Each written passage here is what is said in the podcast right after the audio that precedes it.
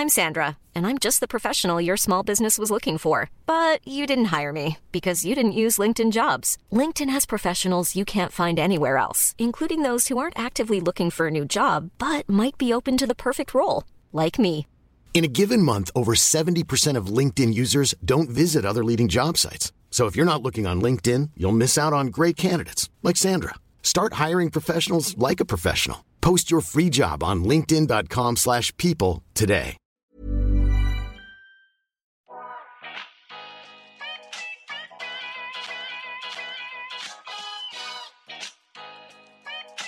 Välkommen till En timme med där jag, Sanja Tigeltia, träffar människor som inspirerar mig, som berättar om sina karriärresor, pratar självutveckling och hur de har kommit dit de är idag. I dagens avsnitt så träffar jag Filippa Kärnlund. Hon är också känd som Raw Clarity Filippa på Instagram. Hon är Nordens ledande livscoach som eh, även har en podd som heter Livscoacherna tillsammans med Jimmy. Och vi går in på hennes karriärresa, hur hon växte upp i USA, jobbade hårt inom PR, eh, hade drömjobbet utåt men också skiftet, vad som fick henne och byta bana helt, eh, glädjen i livet och eh, egentligen vikten av hur man hanterar jobbiga saker och känslor som kommer genom livet och vad, eh, vad som händer om man inte hanterar dem. Lyssna till ett jättegivande samtal. Hej! Hej! Välkommen hit! Tack! Äntligen får vi till det här. Du är min första inspelning efter sommarledighet. Ja, vad mysigt. Då kickar vi igång då. Ja, det känns superhärligt. Jag, kommer ju, jag har ju kört ett litet intro om dig och sådär Mm. eh, in, inför avsnittet och sådär. Och, och, men jag tänker ändå, kan inte du dra lite kort om eh, vem du är med dina ord och, och vad du gör idag? Eh, ja, gud den här frågan är ju så himla stor. Liksom. Det, för mig är det ju meningen med livet att lista ut vem man är. Exakt, ja, men det är superhärligt för alla. Så jag kan lite- dra det jag vet. Ja, Ehm, nej men jag är en livscoach för kvinnor. Och jag eh, hamnade in på det spåret för att jag själv inte har mått bra olika perioder av olika anledningar. Och så har jag fått väldigt mycket bra verktyg så jag har velat ge ut dem till andra för att jag vet att de funkar. ja vad härligt. Och det är ju det, vi är alla sökande men vi vill ha någonting som funkar. Verkligen. Ehm, Och varför är det främst kvinnor du, du hjälper? för att jag är kvinna. Ja. Alltså min filosofi när det kommer till att hjälpa och coacha det är att du måste ju vara eleven för att kunna vara läraren. Mm. Och jag, alltså jag kan säkert coacha en man på en viss nivå men jag har aldrig varit man. Mm. Så jag har inte de erfarenheterna och de upplevelserna. Men Jag jag, har varit kvinna och vad allt det innebär med ideal, utse, utseendefixeringen, perfektionist, prestation och allt det som de flesta av oss upplever. Verkligen. Ja, verkligen. It makes sense. Och, och du har ju haft en, en eh, superspännande bakgrund och, och hunnit med supermycket. Du har bott i USA eh, flera år, om man säger. Kan du inte berätta lite om tiden i USA, vad du gjorde, varför du bodde i USA? Mm, jag flyttade dit när jag var sex år och sen tillbaka till Sverige när jag var 30. Så att USA har ju format mig väldigt mycket på det sättet att jag, ja men det är lite det här dream big, att jag vågar tänka stort och eh, har aldrig kring liksom karriären hållit några, haft några hinder på det sättet. Jag har inte varit så rädd. Nej. Så det är många liksom så här sätt som amerikaner tänker på som jag har tagit med mig. Mm. Eh, och sen är det lika mycket svensk så det blir liksom en, en kombo. Ehm, men jag flyttade först till ehm, Connecticut och sen till Miami, så största delen av min uppväxt där i Miami. Wow. Eh, ja, och det, alltså, det, alltså du, är du, du är från, Från västkusten. från västkusten, Mm. ja precis. Alltså, och nu har du bott här i Stockholm, man, man hittar, allting blir ju hem till slut. Ja, ja, verkligen. Alltså vad det än är. Och i Miami hittar jag min vardag och sådär. Men det är en väldigt skön livsstil att ha. Gud, ja. Ja, Vädermässigt. vädermässigt, ja. Um, sen har det också påverkat mig för det är väldigt mycket yta. Mm. Um, Mycket, kroppsligt, hur man ska se ut. Alla mina kompisar redan på gymnasiet gjorde, gjorde naglarna och blåste håret varje fredag när vi skulle gå ut. Alltså det är väldigt, det har ju inte varit det bästa för mig. Um, I och med att jag har mätt mitt värde i mitt utseende. ja, jag förstår. Och ganska hår, alltså så här, sjuka kroppsideal. Det känns som det är perfektionism på en helt annan nivå. Ja, ja. Ehm, Ja, verkligen. när sökte du dig därifrån? Ehm, så jag ville till New York, också in i samma bransch som du, och göra PR. Ehm, och flyttade till New York när jag var 21. Öppnade min egna PR-byrå när jag var 26. Och körde hela det racet. Men någonstans visste jag att det är inte här jag ska vara. Och allting såg så bra ut på papper och eh, jag öppnade Cannes filmfestival varje år med Calvin Klein och jag åkte och gjorde eh, backstage på Emmy-galorna hade jag hand om. Alltså jag gjorde liksom väldigt roliga saker som är så här, det här borde du gilla. Och jag tror det är det jag märker när mina kunder kommer till mig, det är att så här, ja men allting är ganska bra på pappret. Ja, kolla jag har mina två barn, jag har det här jobbet, jag har råd att köpa de där jeansen, men ändå är jag inte glad. Mm. Och det är det liksom jag har upptäckt under min resa. Att så här, jag har haft jättebra. Liksom. Familjen hade gått ställt. Jag gick på privatskolor, jag fick en bil när jag var 18, jag är uppvuxen i Miami, sen i New York. Men så här, det saknades någonting. Jag har haft perioder där jag har varit glad ibland, liksom mer stunder, men inte längre perioder. Mm. För det har alltid varit någonting. Jag förstår. Förstår du vad jag menar? Ja, ja exakt, det är ett tomrum nästan. Ja, Mm. Och det är det som fick mig liksom att börja söka efter något mer. Mm. Typ att livet måste gå ut på något mer än det här. Om jag nu har allting och mår ändå dåligt, okej men vad är det jag saknar då? Och hur, hur påbörjade du det här sökandet? Liksom? Vad gjorde du rent så här konkret? Tog du ett silent retreat eller liksom åkte du? Ehm, för mig har det ju liksom varit kring maten som varit det jobbigaste. Mm. Att jag har försökt att ehm, bevisa mitt värde genom att vara smal och sen också inte, och då ätit mindre och sen också vilja trycka i mig allt för att stänga av allt obehag och jobbiga känslor. Och det var det som verkligen tog upp så stor del av min dag. Mat stod center stage i mitt liv istället för jag. Mm. Ehm, så att det var det som liksom var det här i vardagen som gjorde att jag mådde riktigt dåligt.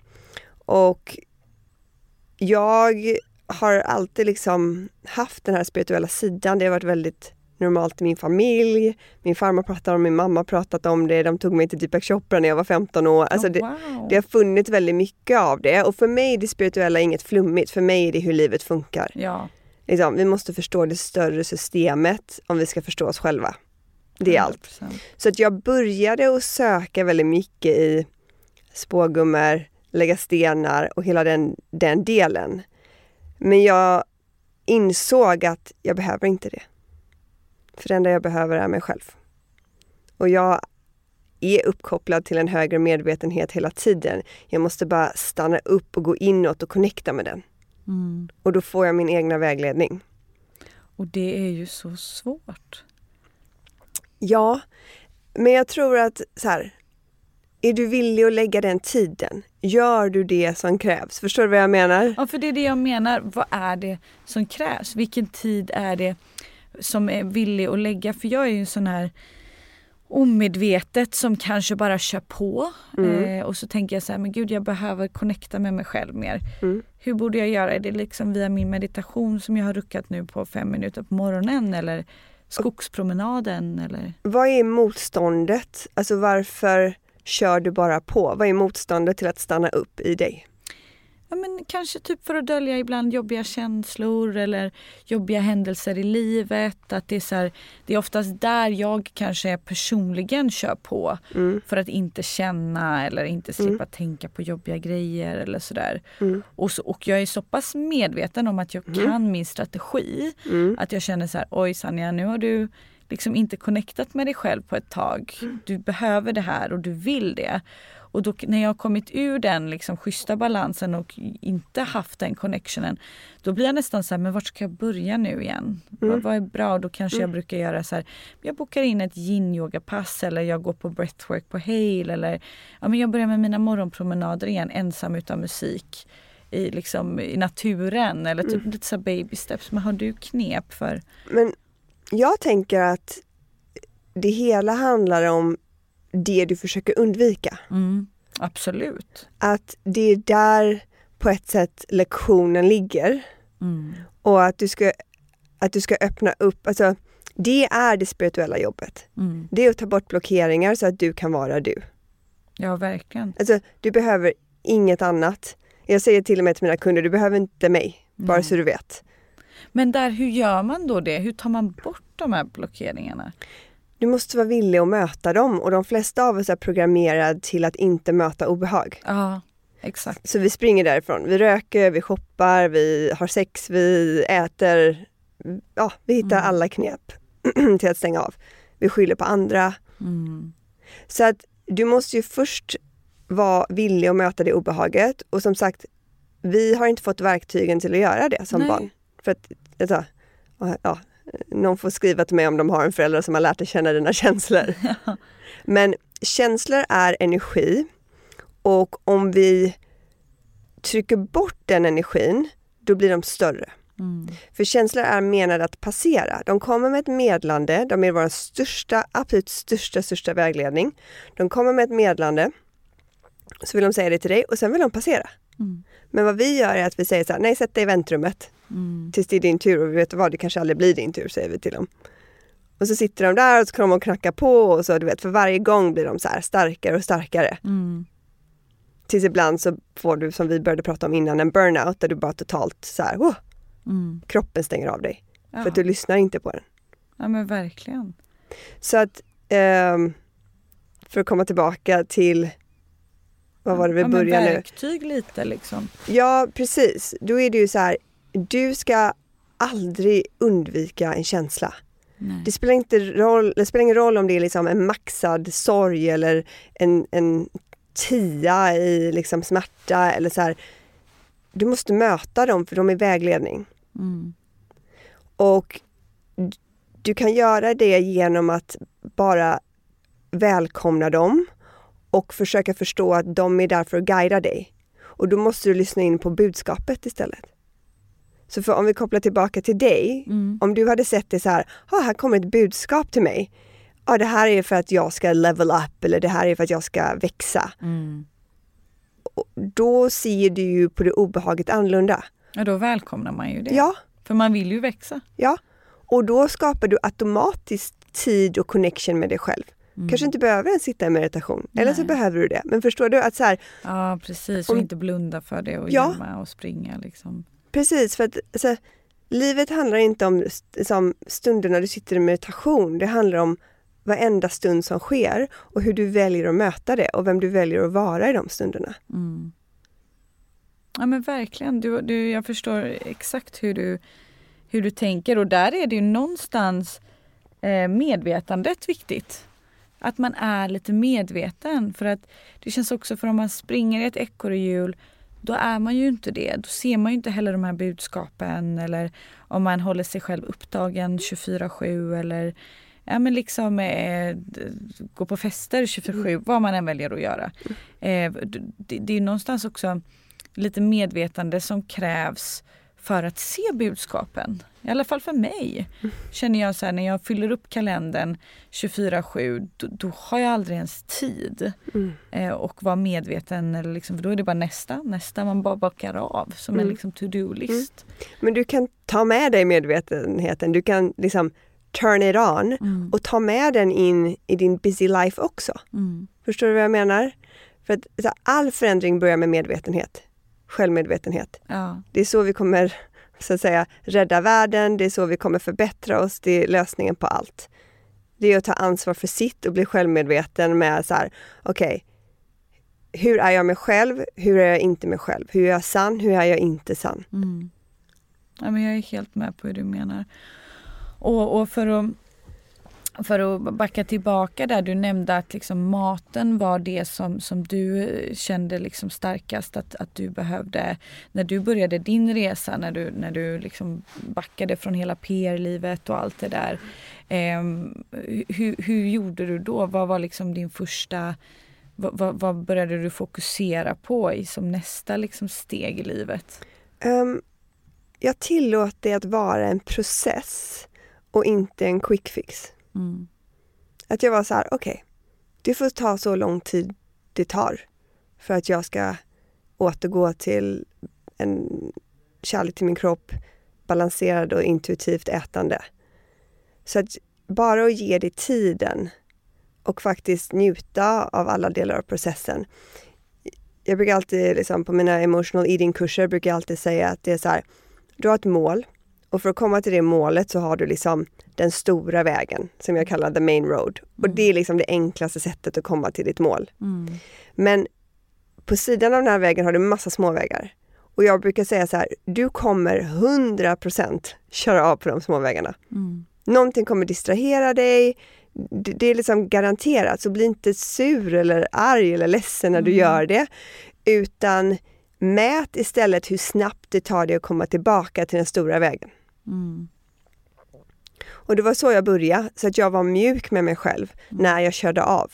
Okej, okay, nu åt jag ett, eh, en paket glass eller nu, eh, eh, nu överåt jag och så tog jag igen även om jag inte var hungrig eller vad det än var liksom. Men det var så här, det var alltid för mig när det kommer till maten vid nästa måltid som jag kunde komma tillbaka. Mm. Men jag tror man kan applicera det här på allt. Liksom. Man har ett mål, man bygger ett företag eller man har en promotion man vill åt och så åker man lite sidor på, de här småvägarna och så kommer du bara tillbaka. Ja, ja visst. Man ger ju inte upp på grund av en sidoväg, liksom hela målet. Nej, precis. Men det är då vi mår så himla dåligt när vi kör av, för då mm. känner vi oss misslyckade. Exakt. Istället för att säga att det här är en del av processen. Mm, och vara lite schysst mot sig själv. Mm. Som du sa, hur snabbt går det att ta sig tillbaka och bara säga men nu blickar vi framåt igen. Mm. Utan att, att, hata på sig själv eller liksom mm. Men, men eh, då såg du ändå upp dig från, från hela den här liksom PR-branschen. Var det då du startade Raw Clarity Filippa eller när kom liksom hela... Um, när jag öppnade egen PR-byrå då hade jag ändå lite mer tid. Jag hade inga barn, jag satt oftast på flygplan Mm. Eh, till LA var vi minst en gång i veckan och jag bara hade massa tid. Så då började jag blogga om min matresa. Mm. Och då hette den här bloggen Raw Clarity. Mm. Jag hade typ fem läsare.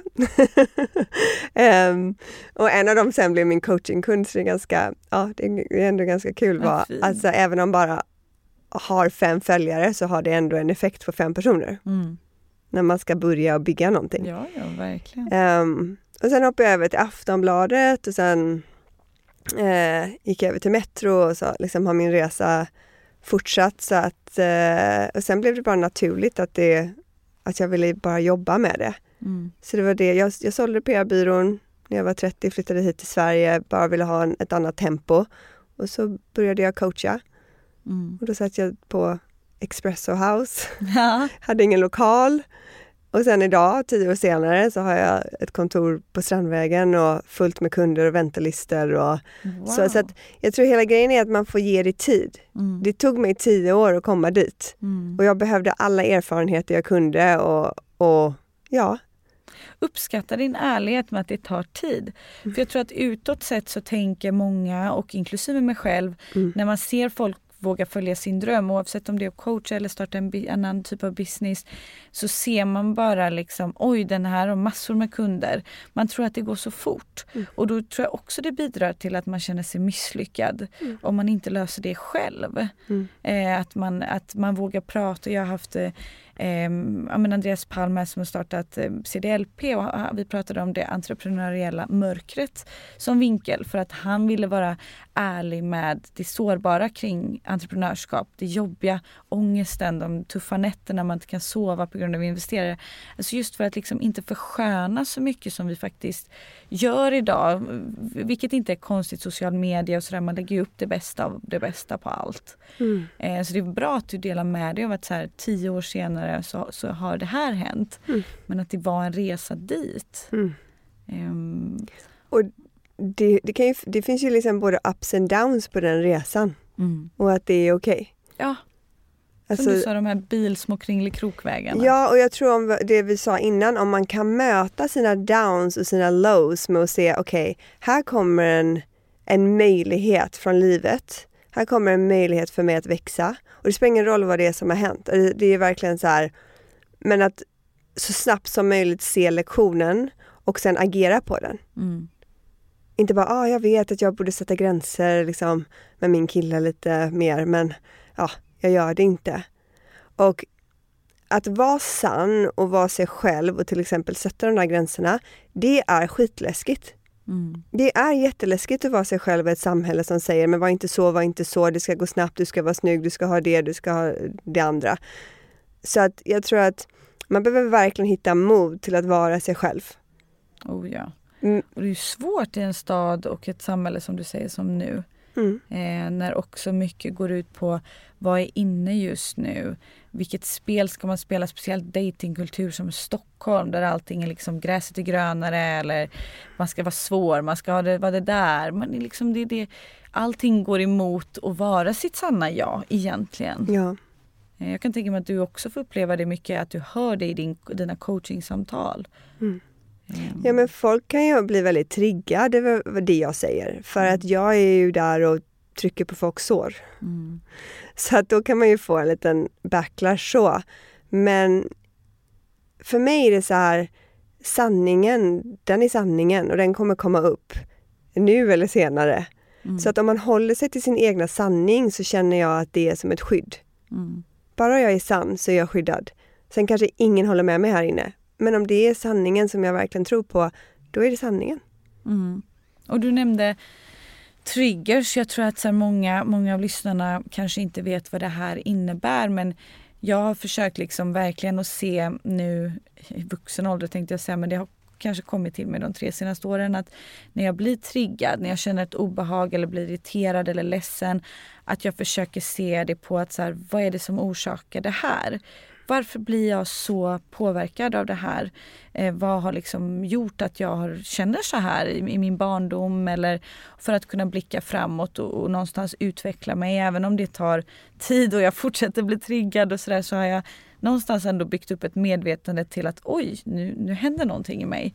Kan inte du berätta lite med, med triggers, vad det är och varför det liksom, hur det är en liten signal till oss hur man kan jobba med det?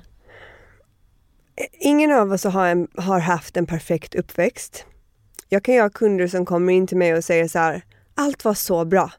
Och då tänker jag så här, hmm, varför sitter du här då? Mm. Alltså med all kärlek, om allt var så bra. För att eh, när vi föds så har vi ju en, en del av hjärnan som är det undermedvetna. Det är där vi programmeras till hur saker och ting funkar. Och sen så går den på automatik resten av vårt liv. Och den största programmeringen händer från 0 till 5 år. Så ungefär hälften av din programmering händer då.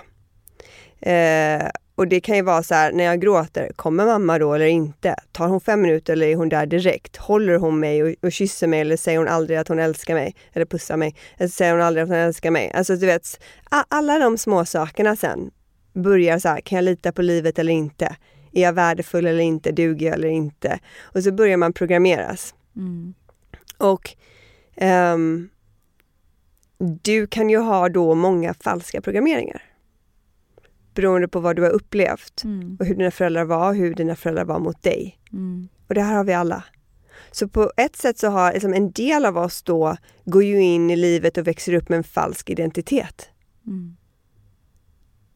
Och oftast liksom är det egentligen några få falska tankar som startar det. Det är som att så här, vi tar till exempel, jag är inte värdefull. Eller jag är otillräcklig. Det är ju som ett frö som planterades i ditt undermedvetna. Och sen varje gång du upplever en situation som på ett sätt så här, confirm this, Mm. då är det som att du vattnar det här trädet. Och så växer det och växer det och sen har det alla olika grenar in i, jag är inte tillräckligt som mamma, jag är inte tillräckligt på jobbet, jag ser inte tillräckligt bra ut, jag är inte, du vet så här. Mm. Och så sprider det sig. Så vi måste ju hitta sätt att och det är ju det vi triggar i oss när vi pratar om triggers, liksom. så här, den här, de här små fröna. Och det är ju på ett sätt sår, liksom, för de har ju skapat väldigt mycket misär och smärta för oss. Mm. Och det är de vi ska hila, det är de vi ska sluta vattna. Exakt. Och hur, gör man det? Jag kan ju dra en parallell då med ett exempel på en Ja. trigger. Så att för, för, för lyssnaren att liksom, ja, men någonstans kanske känna igen sig eller inte. Men förstå helheten. Och då, min trigger är till exempel när jag inte blir sedd, när man är ganska kall och kylig mot mig. Jag gillar verkligen ett liksom varmare bemötande eller att bli sedd eller ögonkontakt eller en kram eller liksom sådär. Eh, och jag vet inte om det är en, en trigger så men, men det, det händer någonting i mig och så har jag liksom luskat i att så här, eh, min pappa han har ju väldigt mycket känslorna på insidan. Eh, han är inte så verbal. Jag vet liksom han har varit världens finaste pappa och sådär men han har inte varit så duktig på att uttrycka sig och det är ganska sammanbiten min eller sådär. Inte så. Eh, ibland om jag har gjort något bra eller så. Jag har inte blivit bekräftad där eller känt mig sedd. Så att när jag råkar ut för det här av en partner eller på jobbet eller liknande då, då händer någonting i mig. Ja.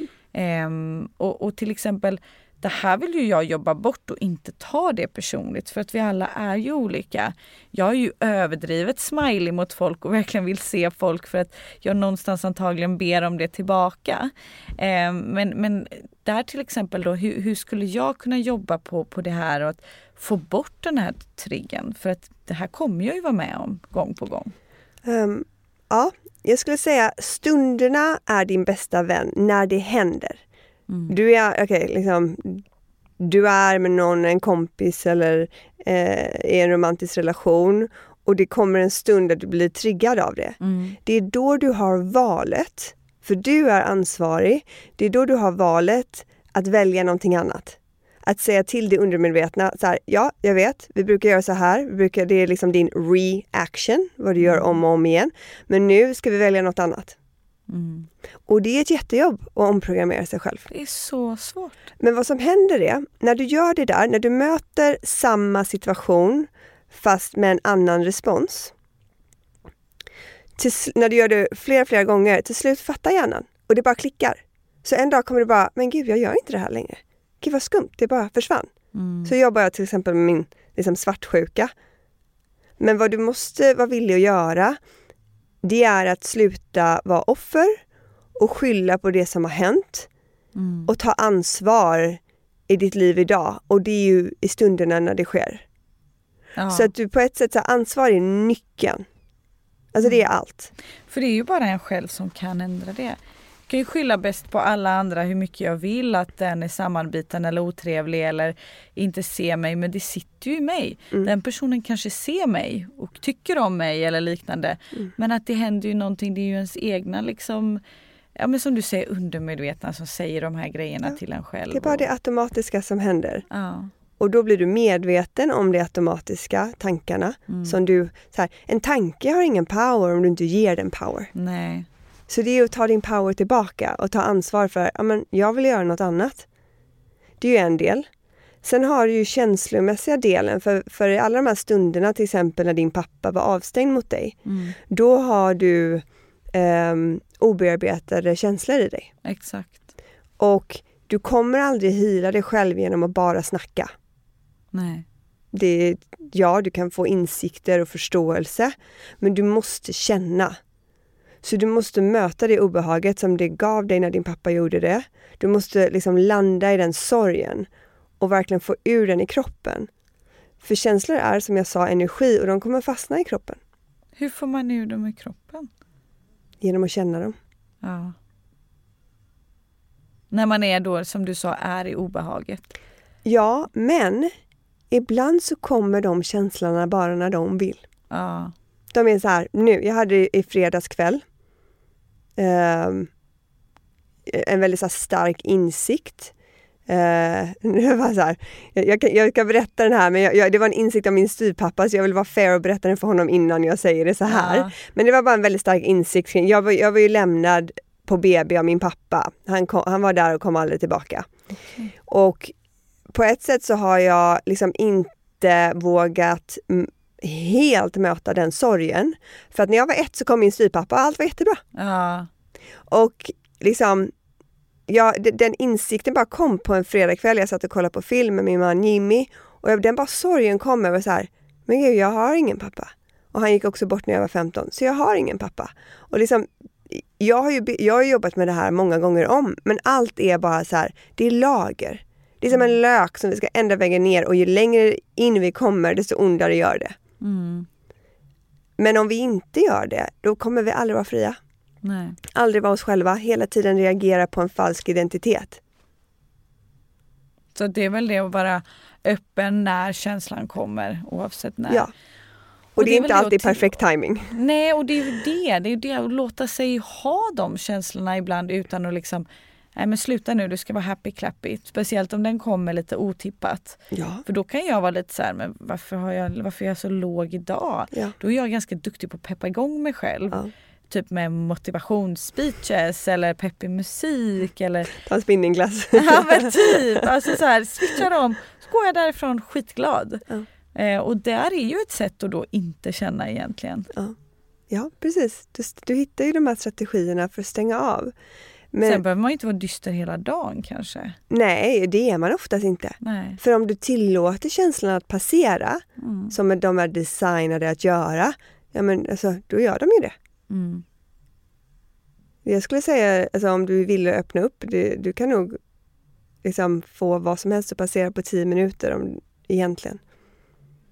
Ja det, det är intressant och jag tycker också att det är spännande att höra hur, hur du ser på livet eh, idag versus liksom dig själv tio år sedan när du kom ut allt det här.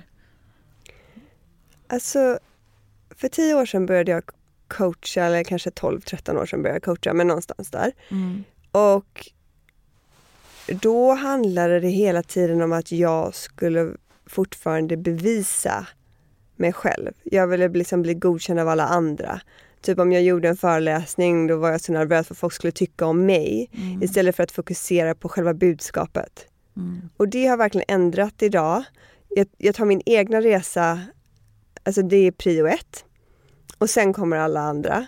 Mm. Så att jag, jag tror jag har liksom ändrat mer av att ja men, leda istället för att bara säga vad folk ska göra. Mm. Och jag märker det är då jag attraherar mer och mer kunder när jag lever det. Mm. Så att jag tror jag, jag har bara switched focus till att jag kommer först och jag ska leva det. Versus, åh jag ska vara någon slags savior och ut och hjälpa alla andra för att jag ska bli godkänd och eh, bekräftad. Ja, jag förstår. För det är en, en big difference. Verkligen. Ehm, för annars gör man ju det till slut för alla andra. Mm. Ehm, och jag tror att många som lyssnar på det här, eh, liksom på den här podden också är lite, ja men du vet fixers. Eh, att, att man tror mycket på quick fixes eh, med att liksom jobba med det inre arbetet och sådär.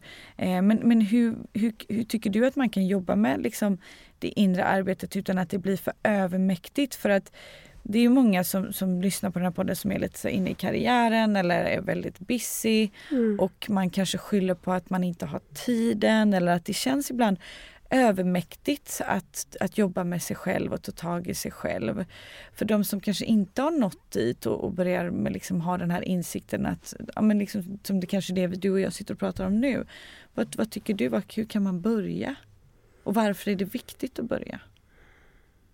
Ehm, för att alla människor vill på något sätt vara glada och känna frid eh, och frihet eh, eller harmoni eller nå- liksom, du vet, någonting kring det vi, just de där orden. Liksom. Och vi tror vi vet hur vi ska uppnå det. Vi har den där familjen, vi checkar av att få de där pengarna, jobbet, allting. Men alla kommer inse att när de kommer dit så kommer det inte vara lika roligt som de trodde. Nej. Så att det vi söker finns inte där ute. Livet är en inre upplevelse.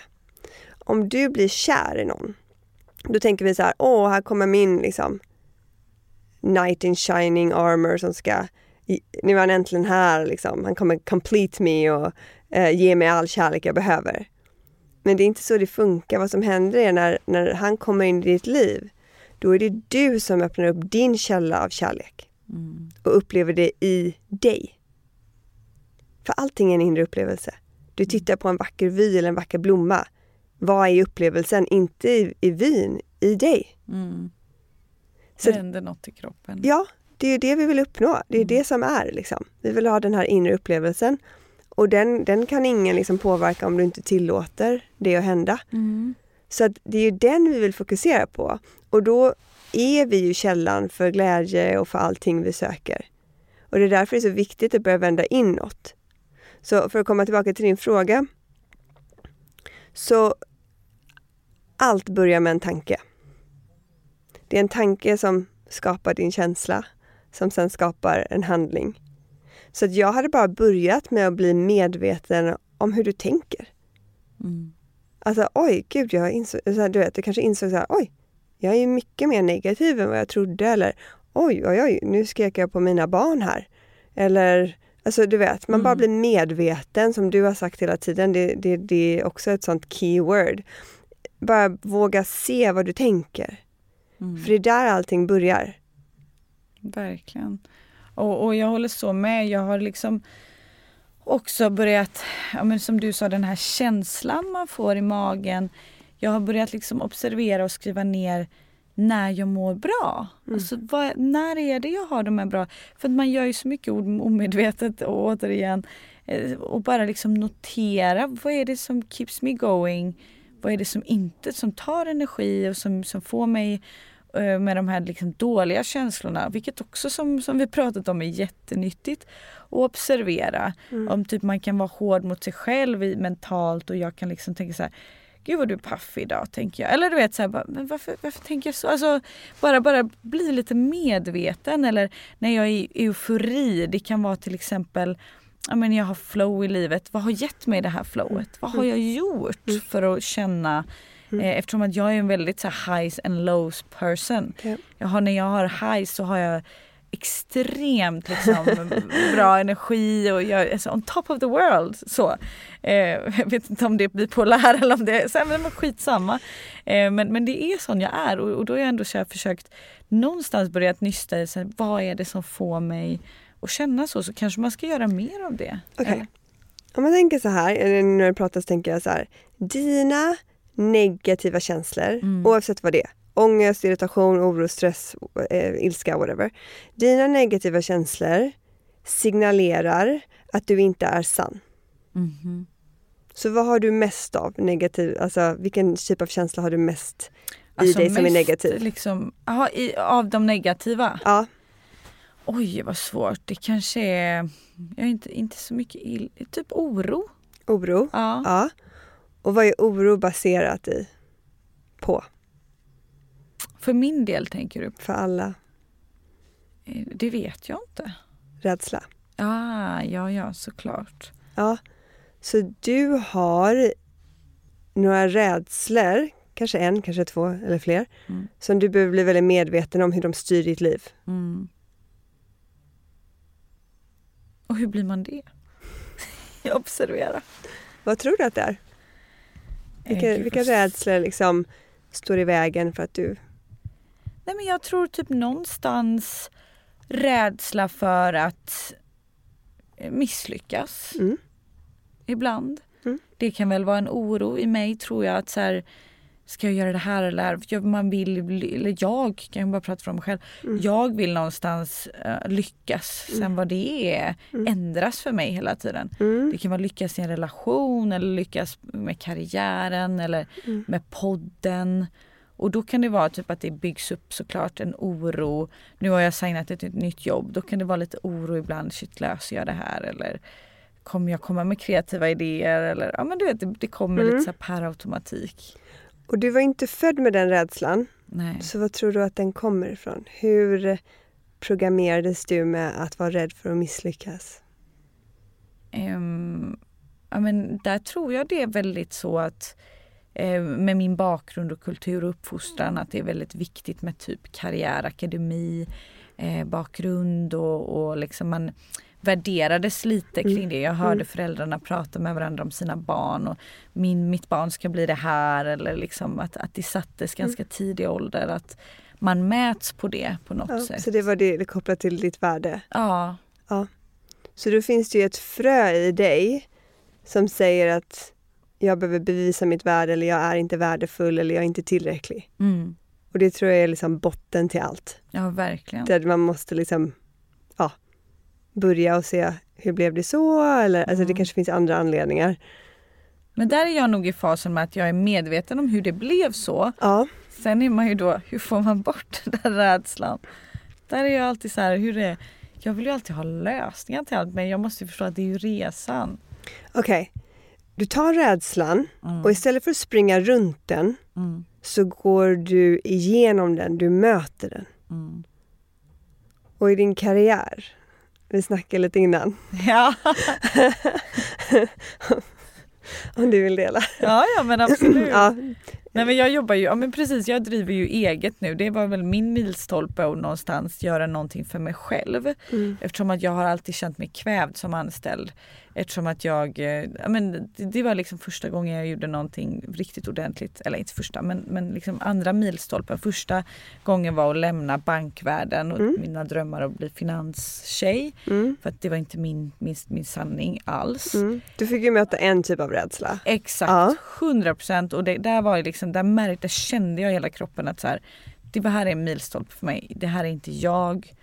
Och jag liksom visste att mina föräldrar skulle bli besvikna och allt det där.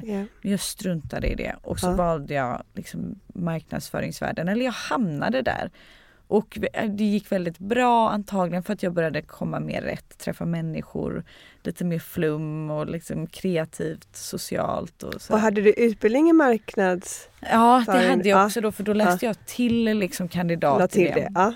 För att någonstans ha något att göra. Ja. Så det bara hände. Och det är också det här viktigt, jag tänker för er som lyssnar och någon som kanske vill byta karriär, att så här, du vet det här med processen. Att det var inte bara så här, åh hoppa in i marknadsföring. Det var så här, Nej. okej jag, jag fick ha en process där jag gick fram och tillbaka känslorna, möta rädslorna, vad kommer mina föräldrar tycka, sen göra en utbildning och sen hamna, alltså det är som en transition. Exakt. Mm. Och att jag inte bara hamnade på ett toppjobb utan jag tog ett föräldravick Mm. inom marknadsföring. Och där var nästa rädsla. Gud vad ska alla handelskompisar tycka om att jag tar ett föräldravick på Almi som var världens bästa jobb. Men då tänkte jag så är det coolt nog? Mm. Vet, Tillbaka till att du inte känner dig tillräcklig Ja, och behöver bli godkänd. exakt. Jag förstår, alltså det här man, man bara märka hur... Ja, och hur jag gick emot det. Ja. Jag blev typ så stolt över mig själv att så här, när man tittar tillbaka Jaha. på det. Ja, det, Men, eh, det är livet. Det är den inre spirituella, om man ska säga, liksom, vägen. Det är att du gör det. Mm. Att du inte går till någon annan som ska lösa alla dina problem, för det kommer inte hända. Nej. Ja men verkligen och det är lite så där vi är idag. Att jag bara sa upp mig från Naked exakt ett, nej men i vintras. Mm. För jag kände i magen att så här, jag vill inte det här. Nej. Jag vill inte, och det var satt bara i mig att så här, jag vill inte eh, ha en chef. Jag vill inte känna att jag behöver vara grön på Slack som är liksom ett sån här onlineprogram, chatt för, för företag. Och det var ingen som tvingade mig till det. Det var min inre stress som sa liksom duktig flicka, du ska vara Ja. grön. Det är godkännandet och att du inte är Ja. tillräcklig. Det kommer igenom med allt. I allt. Ja. Ehm, så det är väl också det. Men också det svåra är ju någonstans att inte hamna tillbaka Mm. i de mönstren. Och där pratade vi lite om det. Liksom min, min dröm är ju liksom att prata med människor och eh, inspirera människor via andras stories, vilket är podden. Mm. Eh, för det är så jag har lärt mig i livet genom att träffa människor och fråga, fråga. Mm. Eh, och det blev liksom huvudnyckeln med, med podden, att dela era stories och inspirera andra. Mm. Så det är någonstans nästa dröm. Men jag tror att du kommer inspirera med ditt liv. För det är bara av att höra din story nu så har du vågat gå din egna väg. Så mycket jag har kunnat men jag har också halkat tillbaka. Ja, men det är det. Det är, det. Det är småvägarna och de finns där. Mm. Men du kommer tillbaka och du vågar ändå lämna det där jobbet och gå emot vad alla andra tycker. Mm. En av människors största rädsla är vad, vad alla andra ska tycka. Ja, verkligen.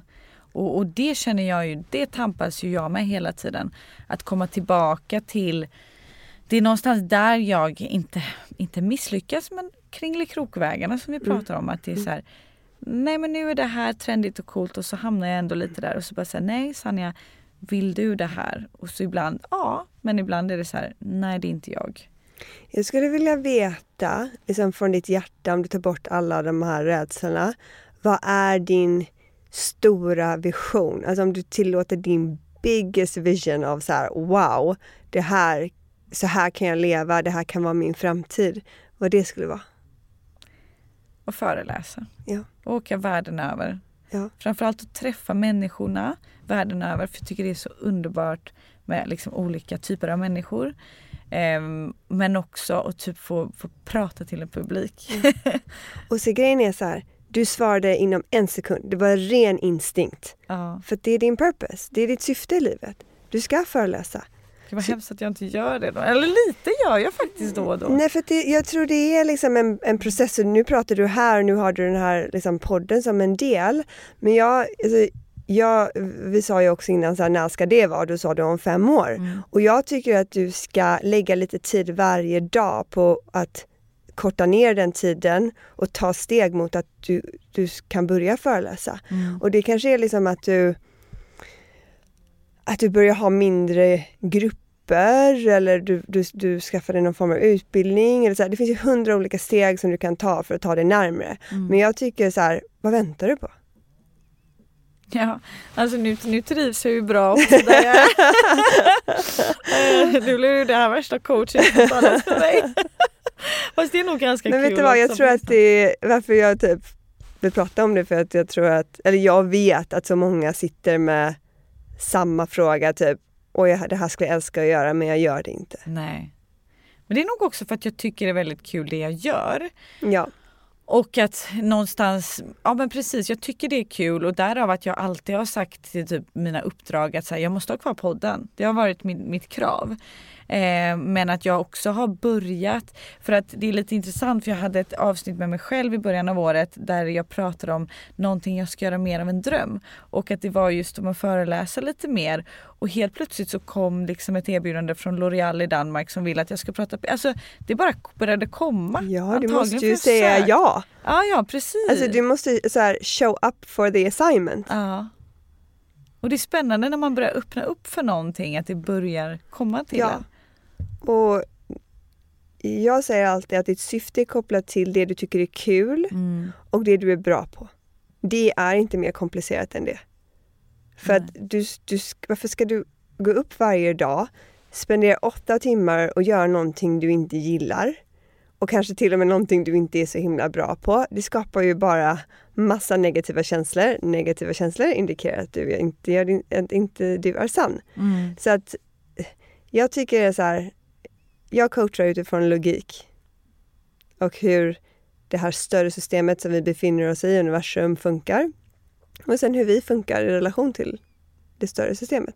Och för de där ute då som tänker så här Shit, jag är kanske inte på rätt plats men man vet inte riktigt vad som är rätt plats och inte vågar såklart bara säga upp en inkomst hur som helst. Var kan man börja för att hitta sitt, liksom, sitt purpose? Jag ska säga, gör en lista på allt du tycker är kul och tänk inte så mycket jobb. Tänk livet. För det här är livet. Och du är livet. Ja, men det, kan, det blir en helt annan podd vi ska gå in på att du är livet. Men vad jag menar med det är att livet består av energi. Eh, och du är den här energin. Så att du är här för att skapa.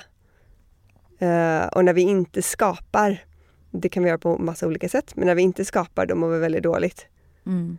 Ehm, så vad var din fråga? Nej, min fråga är hur man hittar sitt, liksom, sitt purpose. Just ja. Ja, så att man gör en lista på allt man tycker är kul i livet Ja. och då ibland inser folk att så här, men gud jag vet ens inte vad jag tycker är kul. Det är väldigt normalt. Så då kan du bara ge det lite tid. Ja, är det någonting någon annan gör? Blir jag inspirerad av någonting någon annan gör som är kul? Mm. Eh, eller jag vet i alla fall att jag gillar naturen eller att jag, jag gillar att resa eller laga mat. Eller, du vet, bara börja basic och så kan Ja. du jobba på den listan om du skulle fastna. Andra skriver jätte, jättelånga listor eh, ganska snabbt. Eh, och så tänker de så här, wow, varför gör jag inte det här oftare? Och sen har du, eh, och då väljer du sen då topp tre där utifrån den listan. Topp tre saker du, dina intressen och vad du gillar att göra med livet. Ja. Sen så har du eh, nästa lista då, det är vad du är bra på, dina gåvor. Och ibland kanske du måste fråga någon. Ja. Ehm, och du kan ju också tänka lite vad jag är bra på jobbet, vad jag är bra på det här. Liksom så här Ja, men vad kommer väldigt naturligt till mig? För typ jag, jag kom ju in hit och du hade skickat lite frågor till mig och jag sa så här, äh, det kommer. Ja. För att jag litar på att jag har den här kunskapen och att jag är bra på att coacha, att jag är bra att coacha i stunden. Mm. Det är en av mina gåvor. Mm. Jag behöver liksom ingen förberedelse. Jag bara tch, tch, tch, lägger jag pusslet så har vi det på Ja, två sekunder. där, liksom. Ja, det var en ny tjej som började hos mig, en amerikansk tjej. Hon bara, jag har gått till samma terapeut i tio år nu. Jag bara, tio år? Du får inte ens gå hos mig i tio år. Nej. Jag kommer sätta en limit och kasta ut dig. Ja. För att om inte du står på egna ben efter tio år, Ja. liksom, förstår du vad jag menar? Så att Ja. så här, jag vill verkligen punktera att du är the master, men du måste vara villig att gå in och lyssna på dig själv för att få Mm. den vägledningen. Exakt. I alla fall, sen väljer man då topp tre från den här listan av vad man är bra på, vad är dina naturliga gåvor. Sen sätter du ihop topp tre från varje lista och skapar en ny lista. Så du har dina tre intressen och dina tre gåvor. Och utifrån den har du skapat en lite smalare riktning. Mm. Och det är utifrån här som du ska på ett sätt då se vad har jag för alternativ, vad kan jag göra utifrån det här? Jag ska inte sitta, det står så här, mina, ett av mina största intressen är att vara i naturen. Ja men du ska inte välja ett jobb som är att sitta Nej. vid ett skrivbord. Nej. Nej, nej, precis. It makes so much sense. Ja, det är bara logiskt. För då kommer du kväva all energi och livslust. Ja och... men det går inte. Och det är det lite som corona gjorde, thank God, med det positiva med corona om man får säga så, Mhm. är ju att det gav ju ett uppvaknande till människor att så här, vad mår jag bra av? Mm. Vad mår jag inte bra av? Ja. Eh, liksom hela det här work remote och ja, men just det här våga bryta norm och komma ifrån ett kontor och öppet landskap och bara den biten. Jag har insett att jag klarar inte av att fokusera i ett öppet landskap. Då kanske det ska vara mer kreativ miljö för mig. Och, det, är så här, det vet man ju inte om man inte får byta eller vågar byta. Nej. Och jag tror också så här, bara för att du har en utbildning i någonting Ja. betyder inte att du kan skaffa en ny. Jag Mm. gjorde det. Alltså, jag har ju liksom PR och kommunikationsutbildning och var Ja. så här, nej, nu blir jag coach istället. Så att det är aldrig för sent, alltså oavsett vilken ålder du är. Jag har alltid inspirerat av Louise Hay som är så här, Mm. eh, drottningen av affirmationer. Självkärlek. Ja, precis. Eh, massa bra böcker. Ehm, men hon öppnar ju sin, ehm, jag tänker bara på engelska här idag, ehm, förlag, sitt Mm. bokförlag. Eh, när hon var 80 år. Gud vad inspirerande, 80 år liksom. 80 år, ja, och börjar en business.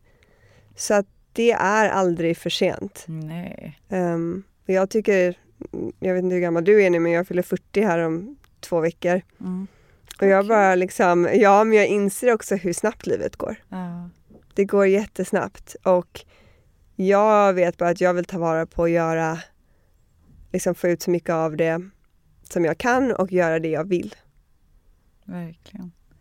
Gud vad jag är inspirerad! Wow! Jag får typ goosebumps. Får jag avsluta med en sista fråga för jag ser att vi redan har pratat i typ en timme. Vi brukar prata 40 men det här var så jäkla roligt. Eh, vad är dina drömmar framåt? För att jag tycker det är lite kul sen när man blickar tillbaka och lyssnar på den här podden och ser lite vad, vad är liksom din vision? Jag vill skriva. Mm. Jag tror jag har varit nu i tio år och lärt mig så mycket av att coacha privat. Jag kommer fortfarande coacha privat. Men jag vill ut till en bredare marknad. Eh, Det är inte alla som kan gå hos coaching hos mig, eh, Mm. både tidsmässigt och pengamässigt. Så att jag vill skriva mer och eh, alltså kommer satsa på den amerikanska marknaden för att på ett sätt har jag min röst där. Mm. Alltså jag vill ju prata till den svenska marknaden också men jag bara känner mig väldigt hemma när jag skriver på engelska och så. Så att det är liksom, ja men skriva mer och få ut det på det sättet. Mm. Och det är när jag liksom tittar på mina drömmar nu så är det ju att jobba vidare med det här och liksom på ett sätt em, höja medvetenheten i människor. Mm. Det är jätteviktigt för att då får vi gladare barn, får gladare föräldrar, vi får gladare medarbetare, vi får, alltså alla blir gladare av att vara mer medveten. Mm. Um, så det är liksom the core of min purpose, det är att försöka höja medvetenheten men först och främst i mig själv. Så mycket av mina drömmar är ju i mig själv, att jag vill liksom helt återgå till mig och sudda bort den här falska identiteten som sitter i mitt undermedvetna. Mm. För att den kan hoppa upp i mig och poppa upp i mig automatiskt ibland också. Mm. Um, Men som sagt, det handlar om hur snabbt du kommer tillbaka till den du faktiskt är. Verkligen. Ja, tusen tack för att du ville gästa. Eh, jag kände så här, det var så menat att prata med dig just idag och inte innan sommaren. För allt vi liksom pratat om idag är saker jag verkligen som är så aktuella i mitt liv just nu.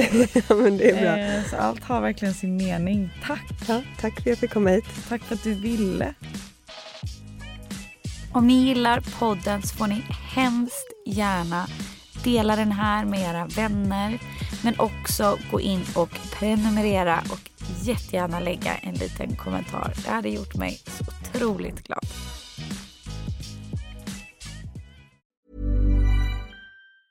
Mom deserves the best, and there's no better place to shop for Mother's Day than Whole Foods Market. They're your destination for unbeatable savings, from premium gifts to show-stopping flowers and irresistible desserts. Start by saving 33% with Prime on all body care and candles. Then get a 15-stem bunch of tulips for just $9.99 each with Prime. Round out Mom's menu with festive rosé, irresistible berry chantilly cake, and more special treats. Come celebrate Mother's Day at Whole Foods Market. Hey, it's Paige DeSorbo from Giggly Squad. High quality fashion without the price tag. Say hello to Quince.